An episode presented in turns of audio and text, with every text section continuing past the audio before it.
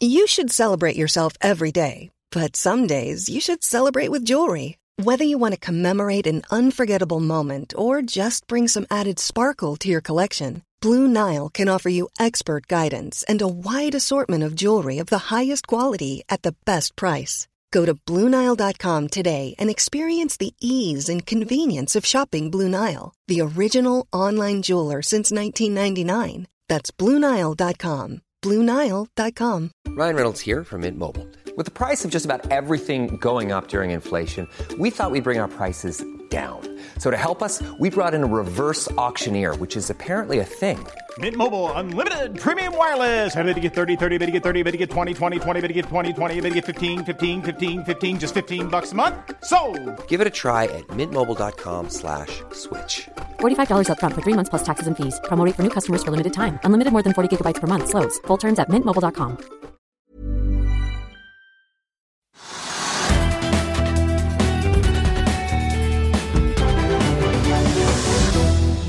Velkommen til Økonominyhetene torsdag 18.11, der hovedindeksen er ned nesten 1% og dermed ned for andre dag på rad. Oslo Børs er imidlertid ikke alene, for det er stort sett rødt på de store børsene rundt oss i Europa, med unntak av i København. Nordsjøoljen er opp en halv prosent i dag, til 80 dollar og 60 cent fatet i spotmarkedet. og Dermed er vi altså et stykke under den toppen vi så tidligere i høst på 86 dollar fatet, men fortsatt over 80. Futuresene Ball Street peker mot en grønn start der, og vi skal straks snakke med Nordeas rentestrateg Lars Mauland, som skal forklare oss hvorfor Norges Bank plutselig skal stoppe valutahandelen sin. Men først må vi ta en titt på noen av de store nyhetene som har skjedd på Oslo Børs i dag dag, for salatprodusenten Calera de fortsetter fallet og er ned nye 16% til 14 kroner aksjen.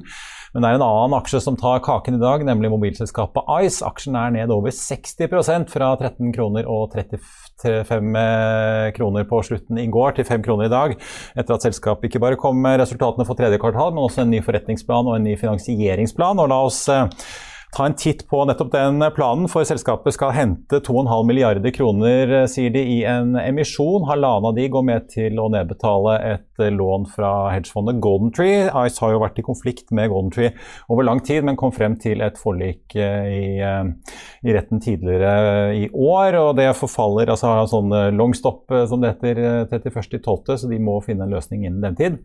Da står det igjen 1 milliard kroner. Det skal selskapet bruke på investeringer og driften sin. og Selskapet varsler også en, et lite strategisk skifte. De har jo nå kommet opp i 95% befolkningsdekning, men varsler nå at de skal vri investeringene over mot å bygge kapasitet og 5G. Og de skrudde faktisk på 5G-nettet i dag i deler av Oslo. Men dermed ser det ut som eh, foreløpig da Telia vil fortsette å få inntekter fra Ice, som da vil være avhengig av å leie eh, tilgang på deres nett der de ikke har dekning selv. Ellers så kan vi ta med at eh, de store eierne ikke har sagt at de skal stille opp i emisjonen, men de stiller opp med en stor gjeldskonvertering. Rasmussen-gruppen og amerikanske Access Industries vil totalt bidra med 1,3 milliarder kroner i konvertering. Samlet sett så sier Ice at de gjennom disse grepene, hvis de får det til, altså, vil få ned kapitalkosten sin med rundt 300 millioner kroner.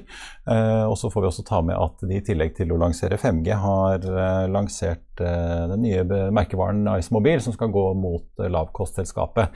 Dette er også grunnen til at selskapet forkaster dette ARPU-målet sitt på at de fremover skal ha en inntekt på 300 kroner kunden i måneden i snitt. Og, og si, kombinasjonen av alle disse nyhetene ble ikke godt mottatt av markedet i dag. Vi inviterte Ice-ledelsen hit i dag, men de har sagt de heller stiller opp ved en senere anledning. Den finansielle rullebanen i selskapet er svært kort, det sier DNB Markets i en rapport og konkluderer med at alt må klaffe i denne planen.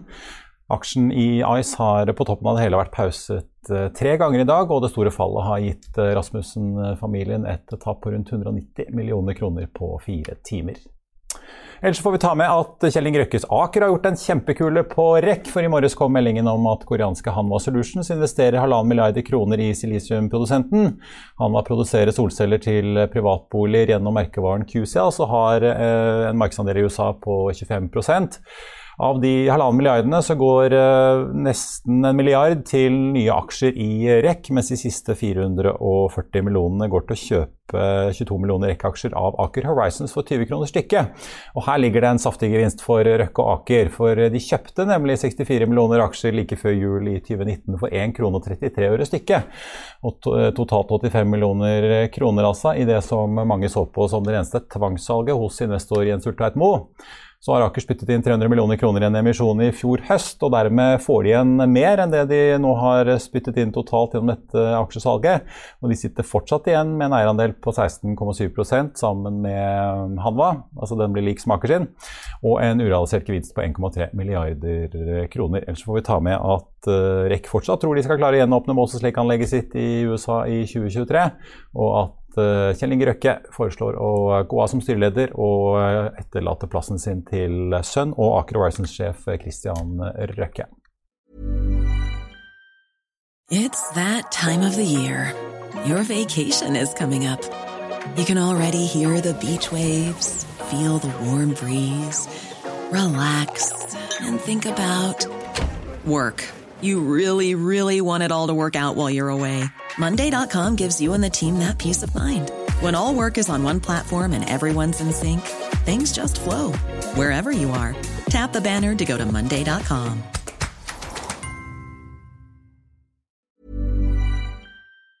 I'll see you in court.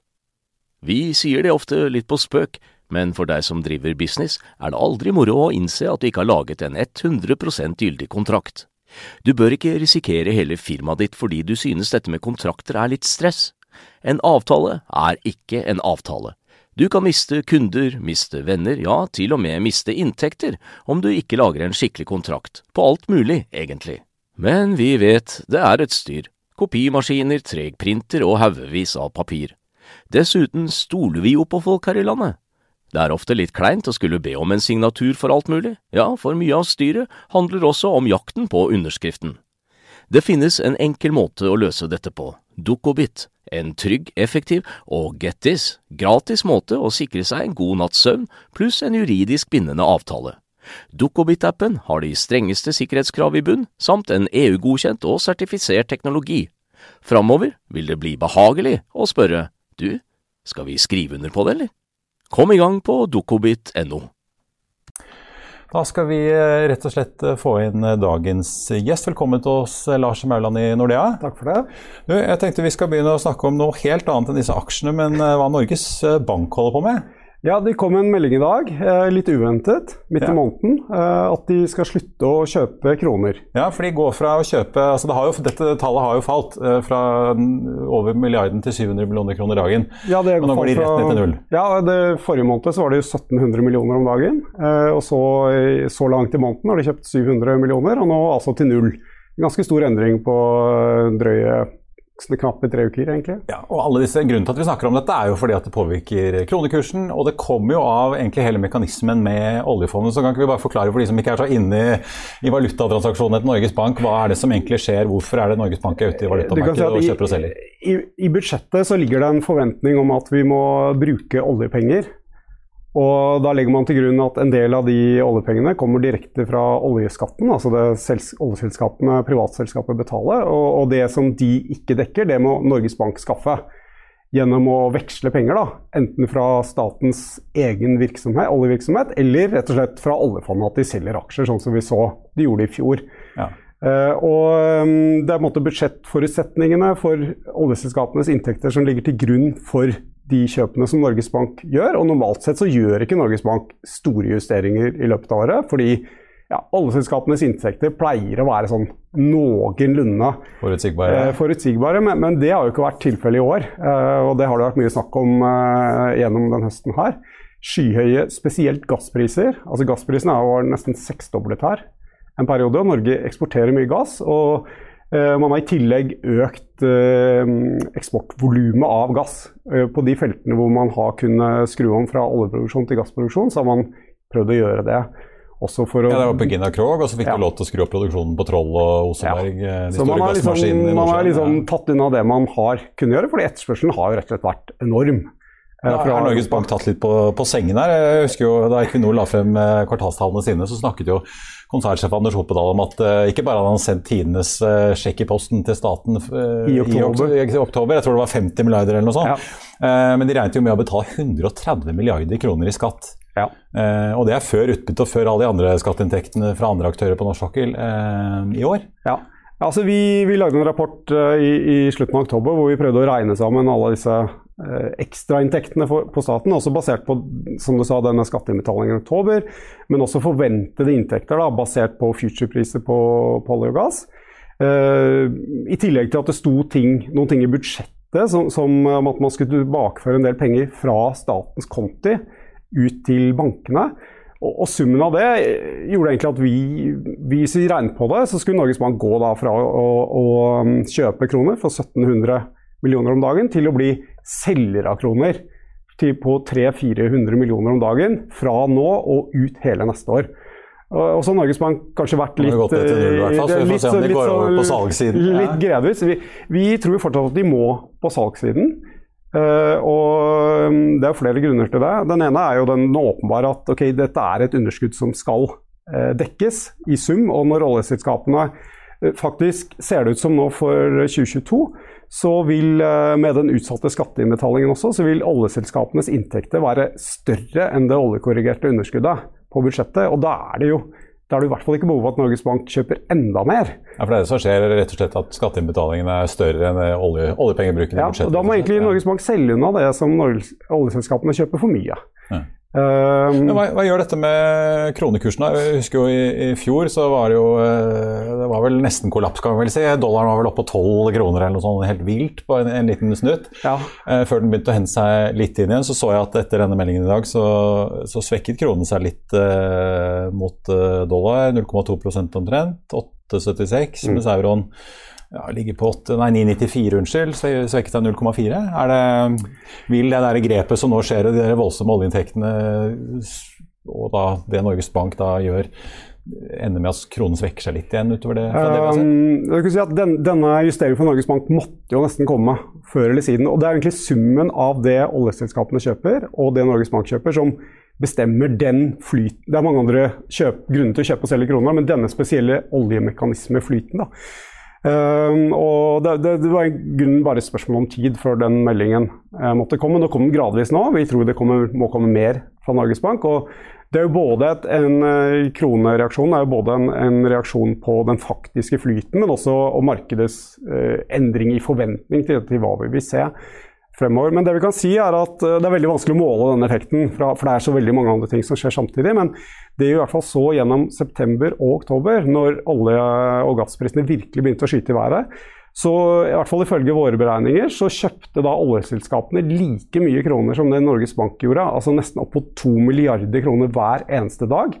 Uh, og mm, det er klart at når uh, Det er det ikke behov for. Så, så i hvert fall den strømmen så ut til å være bak den relativt sterke, gode styrkingen av kronen eh, som vi hadde i den perioden. Og nå, når, eh, nå har jo kronen snudd rundt akkurat eh, eh, siden starten av november, og det har i hvert fall sammenfalt med at Norges bankkjøp har blitt mindre mm. i den samme perioden. Så det er nok en kombinasjon av faktisk flyt i markedet eh, og forventninger til hva Norges Bank eh, skal gjøre fremover. Men Er det noen andre store eh, drivere da, at oljeselskapene selger dyrt i euro og dollar og, og, må veksle inn i kroner for å betale skatten sin? Ja, du kan si at Bare det at oljeprisen er høy, gjør jo at man måtte øker troen på, på norsk eh, økonomi, og man kanskje forventer høyere renter fra Norge Norges Bank har jo også vært ute og hevet renten der før de fleste andre sentralbanker. Kan jo gjøre at man forventer å få litt høyere avkastning i kroner, og sånn sett har en grunn til å kjøpe kroner. Litt eh, finansielle eller spekulasjonsbevegelser ja, også? Ja, ja. ja, eh, Det kan også gjøre at, man, at, noen aktører tenker at her er det kanskje begynner å bli attraktivt å se på å kjøpe norske aktiva. Altså mer sånn både aksjer, men også andre typer mer aktiva som ikke er notert på børs. Kan f.eks. være eiendom eller eh, olje, små oljeserviceselskaper som ikke er på børs osv. osv. Uh, enten reelle posisjoneringer eller, eller, bare forventning om at det kommer. Det kan også være med på å drive kronekursen. Vi se, så er det jo noen som prøver å få vår energi på børs, så vi får se om de lykkes med det. Eh, du, Vi må snakke litt om renteprognosene og inflasjon. for at dere i Nordea er jo ute nå og forventer egentlig en eh, ytterligere renteheving innen utgangen av 2023. At vi ender opp med en styringsrente på to blag, ja. opp fra 0,25 i dag. Mm. Hva er, som, hva er, det som, driver dere, hva er det som driver, driver det til å tro at Norges Bank må, må, stramme til enda mer enn det de legger opp til? Siden Norges Bank har lenge signalisert at når denne pandemien er over, og kan vi diskutere om den er over nå, da, men det ser i hvert fall ut som vi, vi kommer oss i havn her. Så, ja, Helsedirektoratet avlyste julebordet sitt i dag, så jeg på ja, VG. Så, så, noen hiccups er det på veien der, men, men uansett så ser ting veldig mye bedre ut enn det gjorde for et halvt år siden. Uh, men da var i hvert fall planen om, at, uh, om, å normalisere også renten. Den renten ble satt veldig lavt, for vi var i en veldig spesiell situasjon. Eh, og så har det vært litt uh, ulike signaler om, om, hurtigheten på denne normaliseringen, men øh, det har vært ganske tydelig at Norges Bank ønsker egentlig å få renten opp så fort som mulig, eller så mulig så fort som de tør. Og, og, den farten har egentlig vært å, heve renten med 25 basispunkter per kvartal. Det har vært ganske tydelig fra Norges Bank. Opp mot et nivå som er ganske nøytralt. Noe som de tidligere har indikert ligger rundt 1,75 i, i styringsrente. Så det, de, det, Norges Bank har signalisert, er liksom at de hever renten eh, stort sett hvert kvartal opp til renta er litt over 1 prosentpoeng, og så deretter litt saktere, men at de da ender opp på en, rundt 1,75 eller litt under det i, i utgangen av 2024. Um, Eh, det, der vi tror Norges Bank eh, bommer litt, er deres oppfatning om spesielt importert prisvekst. For Norges Bank har en prognose på at importprisene skal holde seg veldig lave i hele denne prognoseperioden som de har, fram til 2024. Uh, eh, til tross for at det ikke er noen store kronebevegelser. Uh, eller Norges Bank ikke ser for seg noen store kronebevegelser i, i, uh, i denne perioden. Ja. Eh, det er veldig spesielt. Vi ser at normalt sett så følger jo importprisene i KPI de følger bevegelsen i kronekursen med, et lag. Altså styrker krona seg. Sånn som det har skjedd nå siden covid i fjor, så får vi veldig lave importpriser fordi det blir billigere å importere i norske kroner. Motsatt det vi hadde i 2020. Mens det vi ser rundt oss nå, på, ikke på kronekurs, men, men hva det koster å faktisk få varene til kaia i, i Norge. Eh, være seg produsentprisen, men kanskje ikke minst fraktkostnaden, da, som har skutt i været.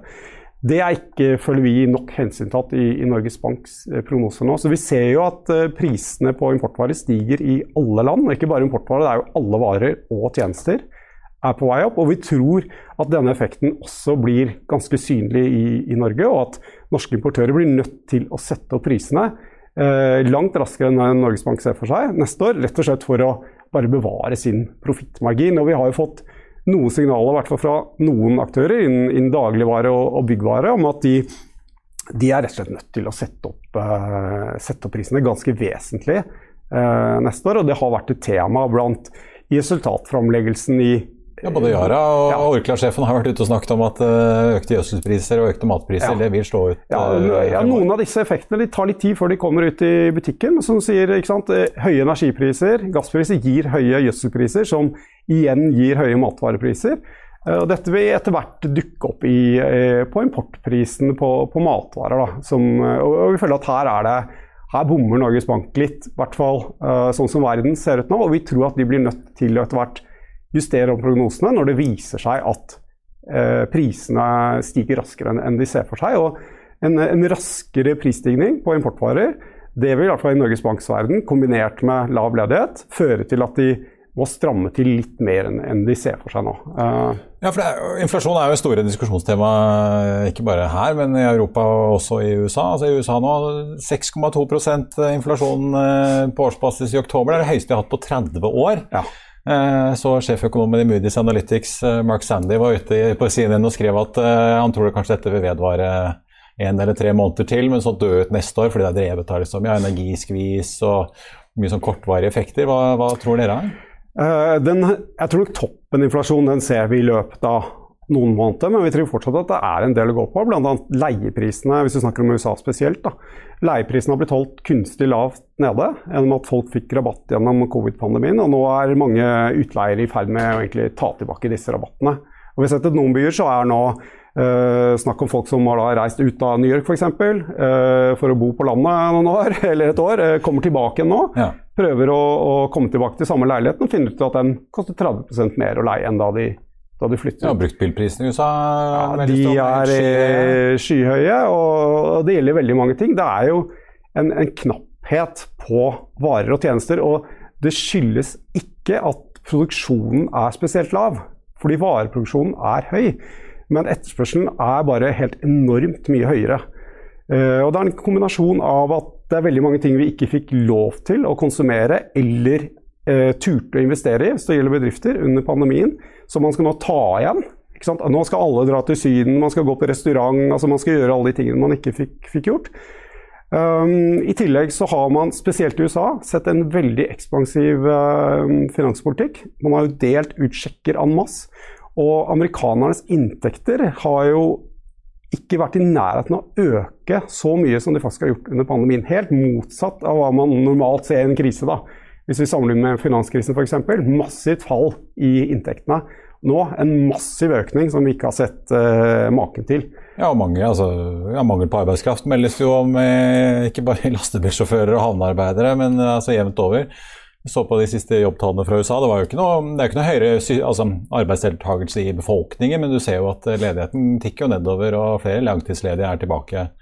Så det er jo åpenbart at uh, Etterspørselen er skyhøy etter arbeidskraft. og det, I USA er den spesielt høy, men, men også her i Norge er den Eh, vi må tilbake nå til eh, liksom 2011-2012, eh, og kanskje til og med til 2006-2007, for å finne lignende tall på hvor stramt arbeidsmarkedet er.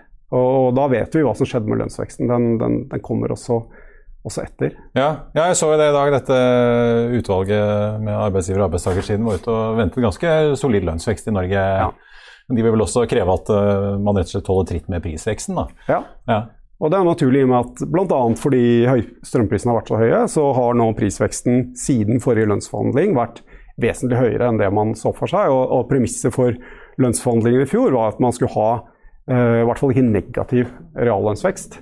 Uh, og det var det som lå til grunn for, for de uh, lønnsøkningene man fikk i fjor. Og så ser man at nei, nei prisveksten ble langt høyere. Da det er naturlig at man får kompensert for det. Det er på en måte normal utgangspunktet for for lønnsforhandlingene. Og så kommer vi på toppen av det at arbeidsmarkedet er veldig stramt, og noe som normalt betyr at arbeidstakerne har sterkere kort på hånden. Den inflasjonen som er nå, da, hvis den er uh, forbigående, sånn som du, du, og Mark Sandy virker å dele syn på? Uh, ja, ikke så altså, Jeg vil nyansere det litt. fordi ja. uh, Jeg sa toppen inflasjon ser vi nok nå, men akkurat sånn som her hjemme, så er det veldig mange, mange effekter som ikke har kommet fullt ut i, i varesykkelen ennå. og jeg tror vi blir sittende med en langt høyere inflasjon de neste årene enn det vi har sett, i hvert fall etter finanskrisen. Da har stort sett problemet har vært at prisveksten har vært for lav. For lav. Eh, og det har vært liksom egentlig sentralbankenes våte drøm å få opp inflasjonen, for de har liksom prøvd alle midler. Mens nå er den der plutselig kanskje litt for Eller åpenbart for mye nå, da. Uh, så, vi, vi, tror jo at også Det er ikke bare Norges Bank som må måtte legge om roret, og de har for så vidt gjort det allerede, men sånn som Fed og andre sentralbanker også må nok legge om roret litt. og vi, jeg syns vi begynner å se tendenser til at de begynner å lene seg litt mer i den retningen. Men der tror jeg det er ganske mye mer å gå på. Og Det er ofte en prosess som tar litt tid. ikke sant? Da man har blitt vant til å tenke på Eh, på en måte. og Det tok også tid etter finanskrisen å, å tilpasse finanspolitikken til det, uh, den settingen som var da, med, med høy, uh, ekstra, høy lederkapasitet. Uh, det tok veldig lang tid å, å få den ekstrakapasiteten sysselsatt. Det gjorde at veksten var lav og at prisveksten Det var, det var ikke noe press i arbeidsmarkedet i det hele tatt. Nå, nå er situasjonen en helt annen. Og Det vil også ta litt tid før sentralbankene eh, på en måte eh, erkjenner det og får bygd det inn i sine modeller. Kort til slutt, altså, Hvis du ser da inflasjonen i USA over 6% i eurosonen er den over 4 eh, langt over målene deres på 2 eh, Men hva gjør det med på en måte marken når du sitter og ser på rentepapirer og aksjer? Eh, vi har allerede sett at såkalte vekstaksjer har fått seg en knekk i år. Mange av de er jo basert på liksom, fremtidige inntekter langt der ute, så når renten går opp, så får de seg en liten kjør. men det, kan, det, liksom, kan, det, komme en korreksjon basert på dette her at inflasjonen er så høy? Da? Det, jeg tror det er mer å gå på. Jeg tror det vi har sett av renteoppgang og måte, sektorrotasjon Nå skal jeg ikke pårope meg å være noen aksjeekspert, det, det, det, tror jeg vi vil se mer av. Uh, mens hvis du ser liksom for uh, hele næringen som, som ett, så, så, virker det som etterspørselen kommer til å være god. Jeg tror inntjeningen uh, i selskapene kommer til å være god. Det er, etterspørselen er, er, veldig høy. Det er mye, som, det er mye pent up demand for investeringer rundt Baut. Så, så jeg tror at foretakssektoren vil klare seg greit. Men det er klart det er, det er selskaper hvor det kanskje er litt eh, man, man, har tuftet mye av prisingen på at rentene skal være lave veldig lenge. og Der tror jeg man må etter hvert erkjenne at eh, i hvert fall når sentralbankene kommer litt mer på banen, om at det neppe blir tilfellet. Uh, sånn at uh, det kan bli dyrt å vente på en inntjening som, som skal være, kanskje kommer om 20 år. Det er bedre å ta, ta den inntjeningen som er her og nå, i, i, i selskap som faktisk leverer noen tjenester som vi bruker akkurat i dag. Ja. Det er greit med Grandiosaen av og til. Ja. Lars Mæland i Nordea, takk skal du ha. Før vi skal ha dagens aksjegrafer, så tenkte jeg bare å nevne at vi også har fått uh, de ferske tallene for norske oljeinvesteringer i dag fra SSB. Der oppjusteres anslagene i 2022 til 154,4 milliarder kroner. Det er opp 8,7% fra forrige måling. Tallene viser likevel det SSB kaller et klart fall mot tilsvarende måling um, for et år siden. Oljeselskapene regner med å bruke 182,3 milliarder i år. Så slår dette tallet til, så blir det altså en flat utvikling i investeringene fra 2020 til 2021, før vi får en uh, liten nedgang i 2022. De som måtte være lei seg for dette, kan imidlertid trøste seg med at uh, det ser ut som det blir store investeringer i årene fremover, bl.a. takket være denne skattepakken. Eh, investeringsestimatene for feltutbygging i 2022 de er opp 27 eh, eh, siden sist til 53 milliarder, bl.a. Eh, som følge av nye prosjekter som er sanksjonert, eller overskridelser. Der vi bl.a. vet at både Balder, Nord og Kasper blir dyrere enn planlagt. På slutten av sendingen tar vi med at Aker Solutions eh, har meldt i dag at de sikrer seg det de kategoriserer som en betydelig kontrakt på mellom 700 millioner og 1,2 milliarder for et subsea-produksjonssystem til eh, Mero 4-prosjektet i Brasil, med installasjon mellom 2023 og 2025. Dette er den fjerde kontrakten som Aker får med Petrobras for subsea-systemer eh, på det som er et av de største oljefunnene i Brasils såkalte presatområder. Ellers får vi også gratulere Hadia Tajik, som er kommet på toppen av kapitalskåring av Norges mektigste kvinner. Arbeidsministeren har eh, dyttet ned tidligere statsminister Erna Solberg fra toppen, som har regjert listene i eh, flere år. Da skal vi eh, ta en kjapp titt også på Wall Street, som nå er åpnet. Dow Jones er ned 0,23% mens Nasdaq er opp 0,16. SMP 500 opp 0,1% nå noen minutter inn i handelen. På Oslo Børs så er det Equinor som er den mest omsatte aksjen, med en nedgang på 3,4% Ellers så tar vi med at eh, Rex Silicon, der Aker har funnet en ny partner altså på eiersiden, er opp 25,25 ,25 til 18,9 kroner. En drøy krone under det Aker altså får betalt for aksjene sine av eh, koreanske Hanwa Group. Ellers så er uh, den store taperen i dag fortsatt Ice, uh, altså mobilselskapet Ice, som er ned 62 uh, Solutions er ned 0,5% men var tidligere i dag litt opp etter kontrakten i Brasil. Altså. Hovedveksten den er fortsatt ned 0,99 i dagens Finansavisen ba Trygve Hegnar stortingspresidenten om å trekke seg, men han er ikke ferdig med denne saken, for i morgendagens Finansavisen skriver han mer om Eva Kristin Hansen og andre på Stortinget, og det han kaller politikerforakten. Analysesjef, Du kan også lese om en analysesjef i eiendomsbransjen som venter en kraftig økning i kontorleieprisene neste år. Og du kan lese om Høg LNG, som ble tatt av børs i vår, men som fortsatt taper penger. Det var det vi hadde for i dag, men i morgen er det fredag, så da er jeg på plass igjen her klokken 13.30. Eh, hvor vi bl.a. skal høre om et nytt og elektrisk containerskip som er på sjøen i Oslofjord. I mellomtiden får du all, som alltid siste nytt på fa.no. Tusen takk for at du så på, og så ses vi igjen i morgen.